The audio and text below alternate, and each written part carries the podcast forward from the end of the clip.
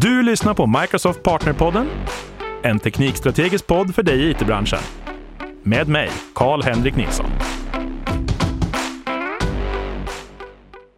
Hej och välkommen! Idag pratar vi med Peter Rodin.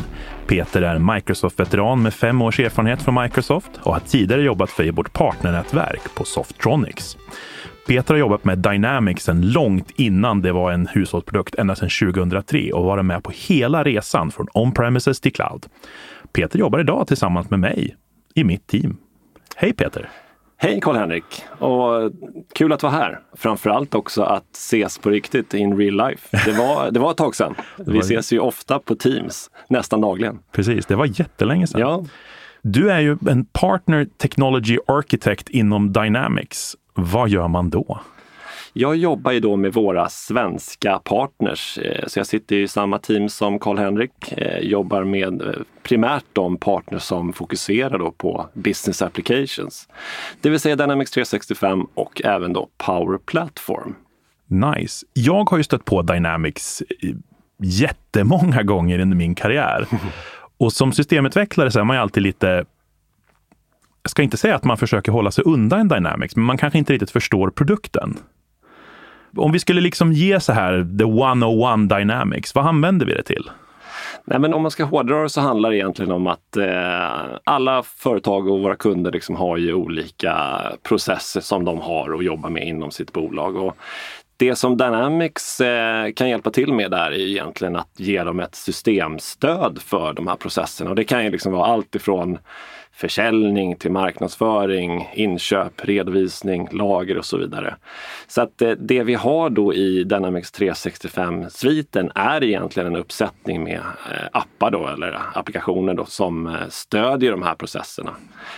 Så att idag har vi ungefär 20 stycken appar och vi brukar benämna dem ja, men ganska tydligt får jag väl ändå säga. Liksom, den, till exempel Dynamics 365 for marketing eller Dynamics 365 for finance för att eh, liksom, försöka förenkla vad de är tänkt att användas för. Precis, för det har ju inte, jag ska vara ärlig och säga att det har ju inte alltid varit så där jätteenkelt när man tittar på så här, hmm, NAV, CRM, AX, och, och alla sådana där konstiga namn. Exakt. Men det men... kanske har blivit enklare med andra ord?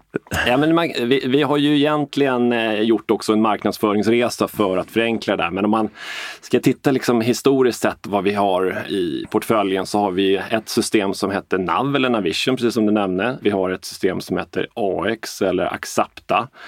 Och sen så CRM då, så att vi hade NAV, AX och CRM tidigare och sen så har vi nu egentligen buntat ihop dem där så att det numera är en och samma plattform, Dynamics 365.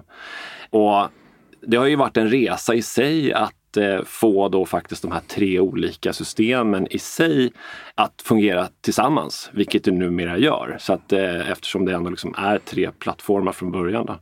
Så där har vi gjort eh, stora investeringar för liksom att liksom få de här systemen att hänga ihop till en och samma plattform. Och då har vi olika tekniker för att lösa det. Att de uppdatera datat eh, mellan varandra på ett effektivt sätt. Liksom med att om man gör en förändring i ett system så skrivs det i vad ska man säga, near real time över till de andra systemen egentligen. Och sen har vi också liksom virtuella entiteter, det vill säga att man, man då kan exponera tabeller ifrån ett system till ett annat. Då. Så att vi är på väg till att eh, ha en plattform men, men eh, det finns fortfarande, liksom, om man tittar under huven så finns det en, en, eh, en integration som vi har byggt som vi ständigt förbättrar egentligen. Om vi ska försöka göra ett klassiskt sånt här exempel. Vi uppdaterar informationen från en punkt till en annan och vi gör det i realtid.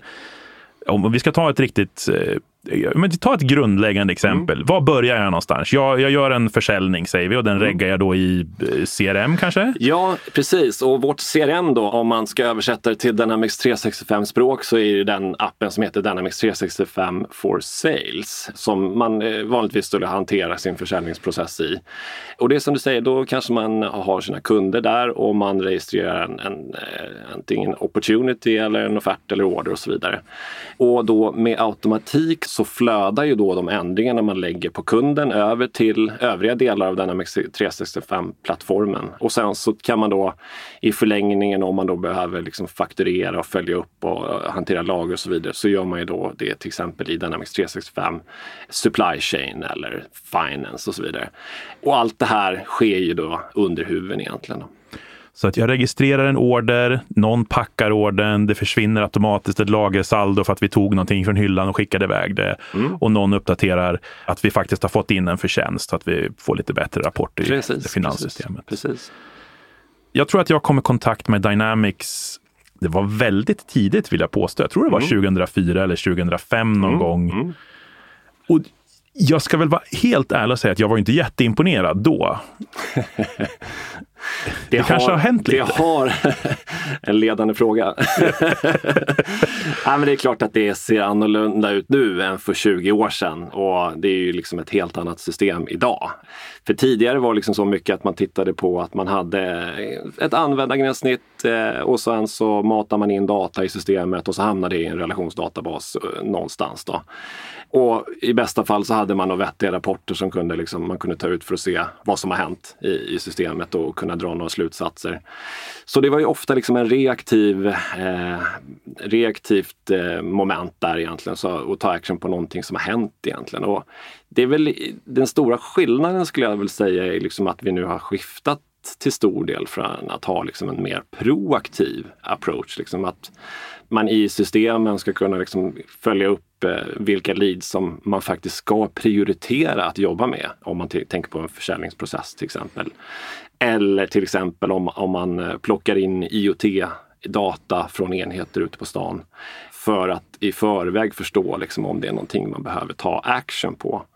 Så att stor del har ju varit till att vi liksom har öppnat upp och använder mer av Microsoft plattformen tycker jag än tidigare. Så att vi använder Azure-komponenterna, till exempel AI och IoT till stor del. Och det har ju liksom varit ett teknikskifte som du nämnde, liksom från on-prem när man hade sina egna servrar till att man också öppnar upp eh, saker och ting och, och, lägger i cloud, vilket i sig då möjliggör liksom att man kan komma åt annan data på ett mycket enklare sätt. Man kan ta Dynamics 365-datan och sen så kanske kombinera den med tredjepartsdata från ett annat system som, som finns och är då nåbart via ett API till exempel. Och sen så kombinera det för att liksom få en bättre insikt i, i hur man ska jobba med sin data. Liksom. Det här låter ju ganska coolt, det får jag erkänna. Men den bilden jag har är nog att inte att så många använder Dynamics på det här sättet.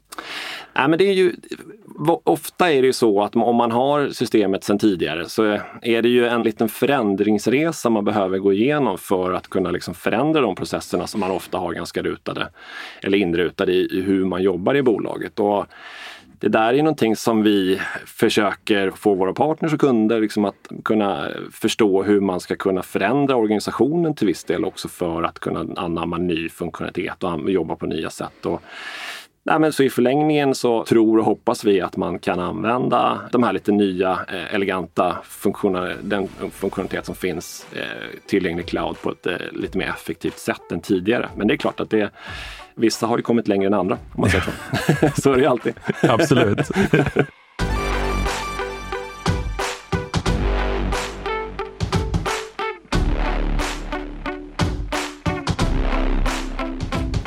Okej, okay, men om vi, om vi försöker göra någonting. Vi ska ju vara så här teknikstrategiska här. Och om vi tänker oss, om man kör Dynamics idag mer eller mindre som ett relationsdatasystem. Alltså man, man lägger in det som händer och så tittar man hur det ser ut och hur det går. Mm. Och det är ju fine. Så. Men mm. om man då ska, nu lyssnar man på dig och hör att jag kan ju göra mer med den här produkten. Liksom. Mm. Vad är de första stegen jag ska ta här när jag försöker att skapa ett utökat värde av, av den här produkten?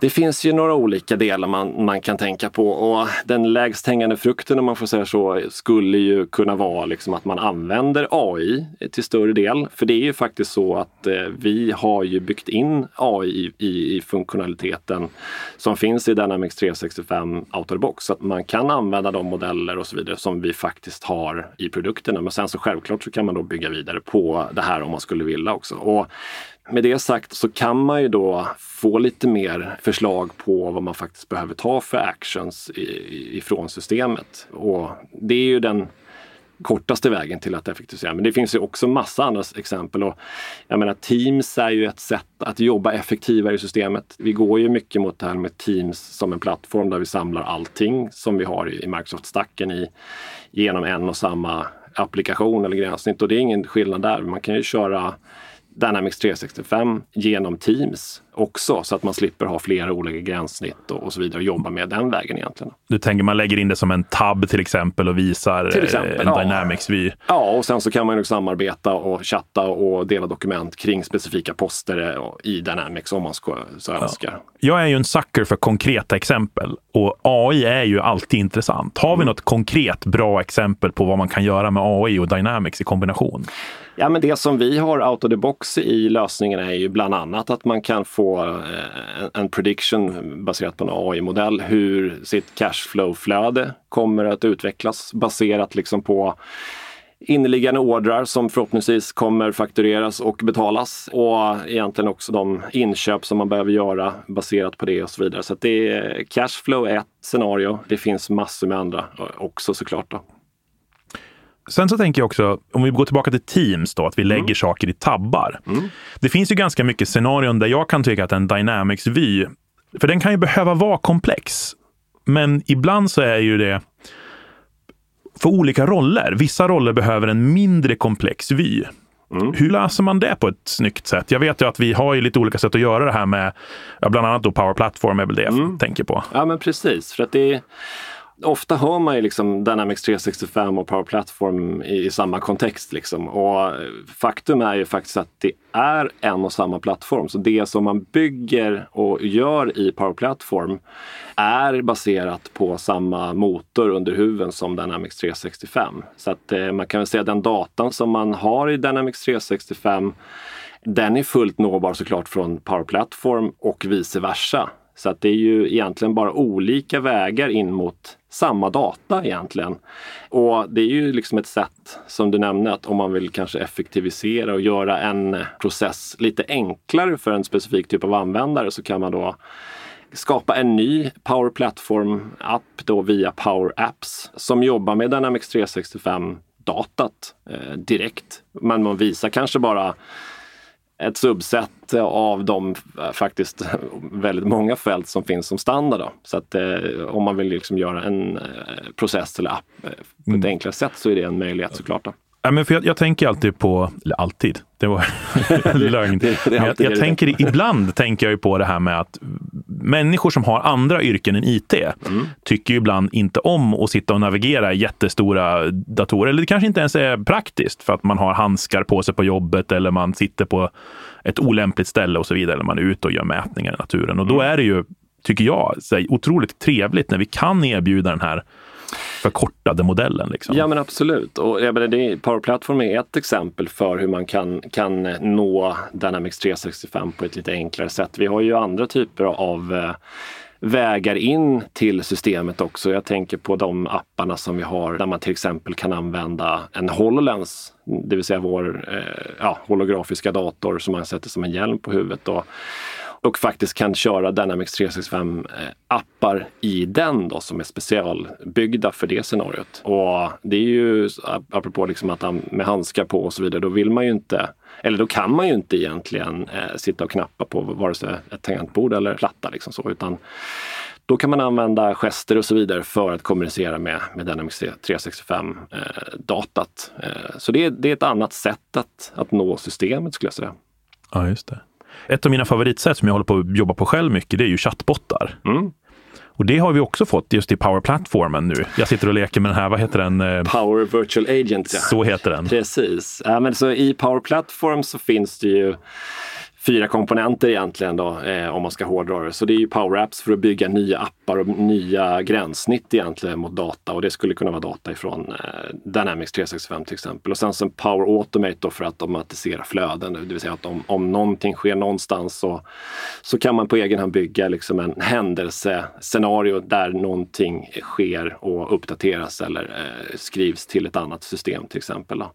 Och sen Power BI, ja, de flesta känner väl till det. Det är ju liksom möjligt att uh, visualisera uh, och analysera data för en användare. Men så också den här Power Virtual Agents då, som är möjligheten att skapa bottar då på ett low code då, som Power Platform är. Uh, det vill säga att man inte ska behöva koda eller programmera. Även om vi nu har fått eh, någonting som heter PowerFX som är ett programmeringsspråk i Power Platform som ja, men, är som Excel-makron mer eller mindre. Väl, om man får kalla det programmeringsspråk. Nej, men det tycker jag absolut man får göra. Alltså jag, jag har ju lekt på det här ett tag nu och det, det går att göra väldigt kraftfulla saker i det här. Ja. Men jag ska vara ärlig och säga att jag använder en hel del PowerFX. För att få, alltså jag kommer ju från den sidan. Det är mycket lättare för mig än att sitta ja, och klura ut hur det funkar. Och sen så är liksom det också kombinationen av de PowerFX-utvecklarna eh, eh, eller de som bara bygger appar genom, genom att drag and droppa eh, objekt på en canvas så som man bygger appar. Och kombination med de traditionella utvecklarna som faktiskt skriver programmatisk kod med allt vad det innebär. Så de här teamen då kan ju också numera samarbeta. Man bygger avancerade funktioner som low-code-användarna kan på ett väldigt enkelt sätt via Azure API Management kan man då konsumera dem och ropa på dem på ett snyggt sätt. Då. Så att det är ju, hela ambitionen är att man ska kunna jobba tillsammans som ett team mm. eh, oavsett vilken typ av utvecklare man är egentligen. Precis, och jag älskar just det här med att man kan kombinera så många olika grejer och få ihop det. Jag talade med en Teams-expert här för inte allt för länge sedan och då pratade vi om hur man kan öka på samarbetet i team. Mm. Och då nu vill jag höra dig säga det här med Dynamics. Okej, okay, nu, nu får vi in en ny lead. Då kan vi publicera det i kanalen till de som hanterar leads via Teams. De Precis. kan få upp ett card, de kan mm. reagera på det, komma direkt in i rätt eh, miljö så att säga i Dynamics och så vidare. Så det finns ju absolut mycket man kan göra. Mm. Definitivt. Vad är det viktigaste då? Om vi tänker att man jag vill göra någonting nu. Liksom. Vad är det viktigaste jag ska ta tag i? Är det att köra den allra senaste versionen eller är det att jag ska bygga någon form av integration? Eller vad är det som är viktigast att göra just nu?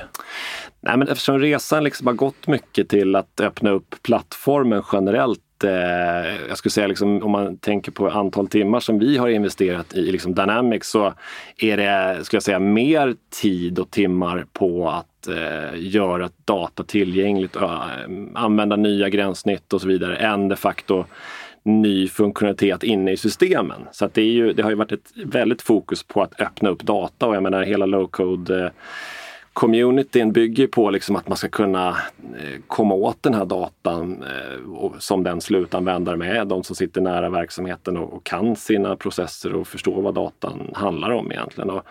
Så att om man ska ge något konkret tips på vad man ska kunna komma vidare om, om man sitter med en traditionell Dynamics 365 och inte gör någonting annat så tycker jag liksom att Power Platform, titta på Power Platform för man kommer väldigt långt på en kort tid med den typen av, av eh, möjligheter med att skapa appar och skapa automationer framförallt. Liksom, så, man, så det är tidseffektivt, skulle jag säga. Automatisera mer helt enkelt? Ja, ja, men istället för att man ska ha någon personal som sitter och gör samma sak gång efter gång så så är det bättre att man automatiserar det. Så det är väl ett eh, stalltips för att effektivisera sin verksamhet. Då. Superspännande. Jag ser fram emot att se vad våra partners gör med den typen av automatisering. Mm. Jättestort tack för att du kom hit idag Peter. Tack själv Karl-Henrik. Du har lyssnat på Microsoft Partnerpodden med mig Karl-Henrik Nilsson. Som vanligt hittar du information och resurser på aka.ms partnerpodden.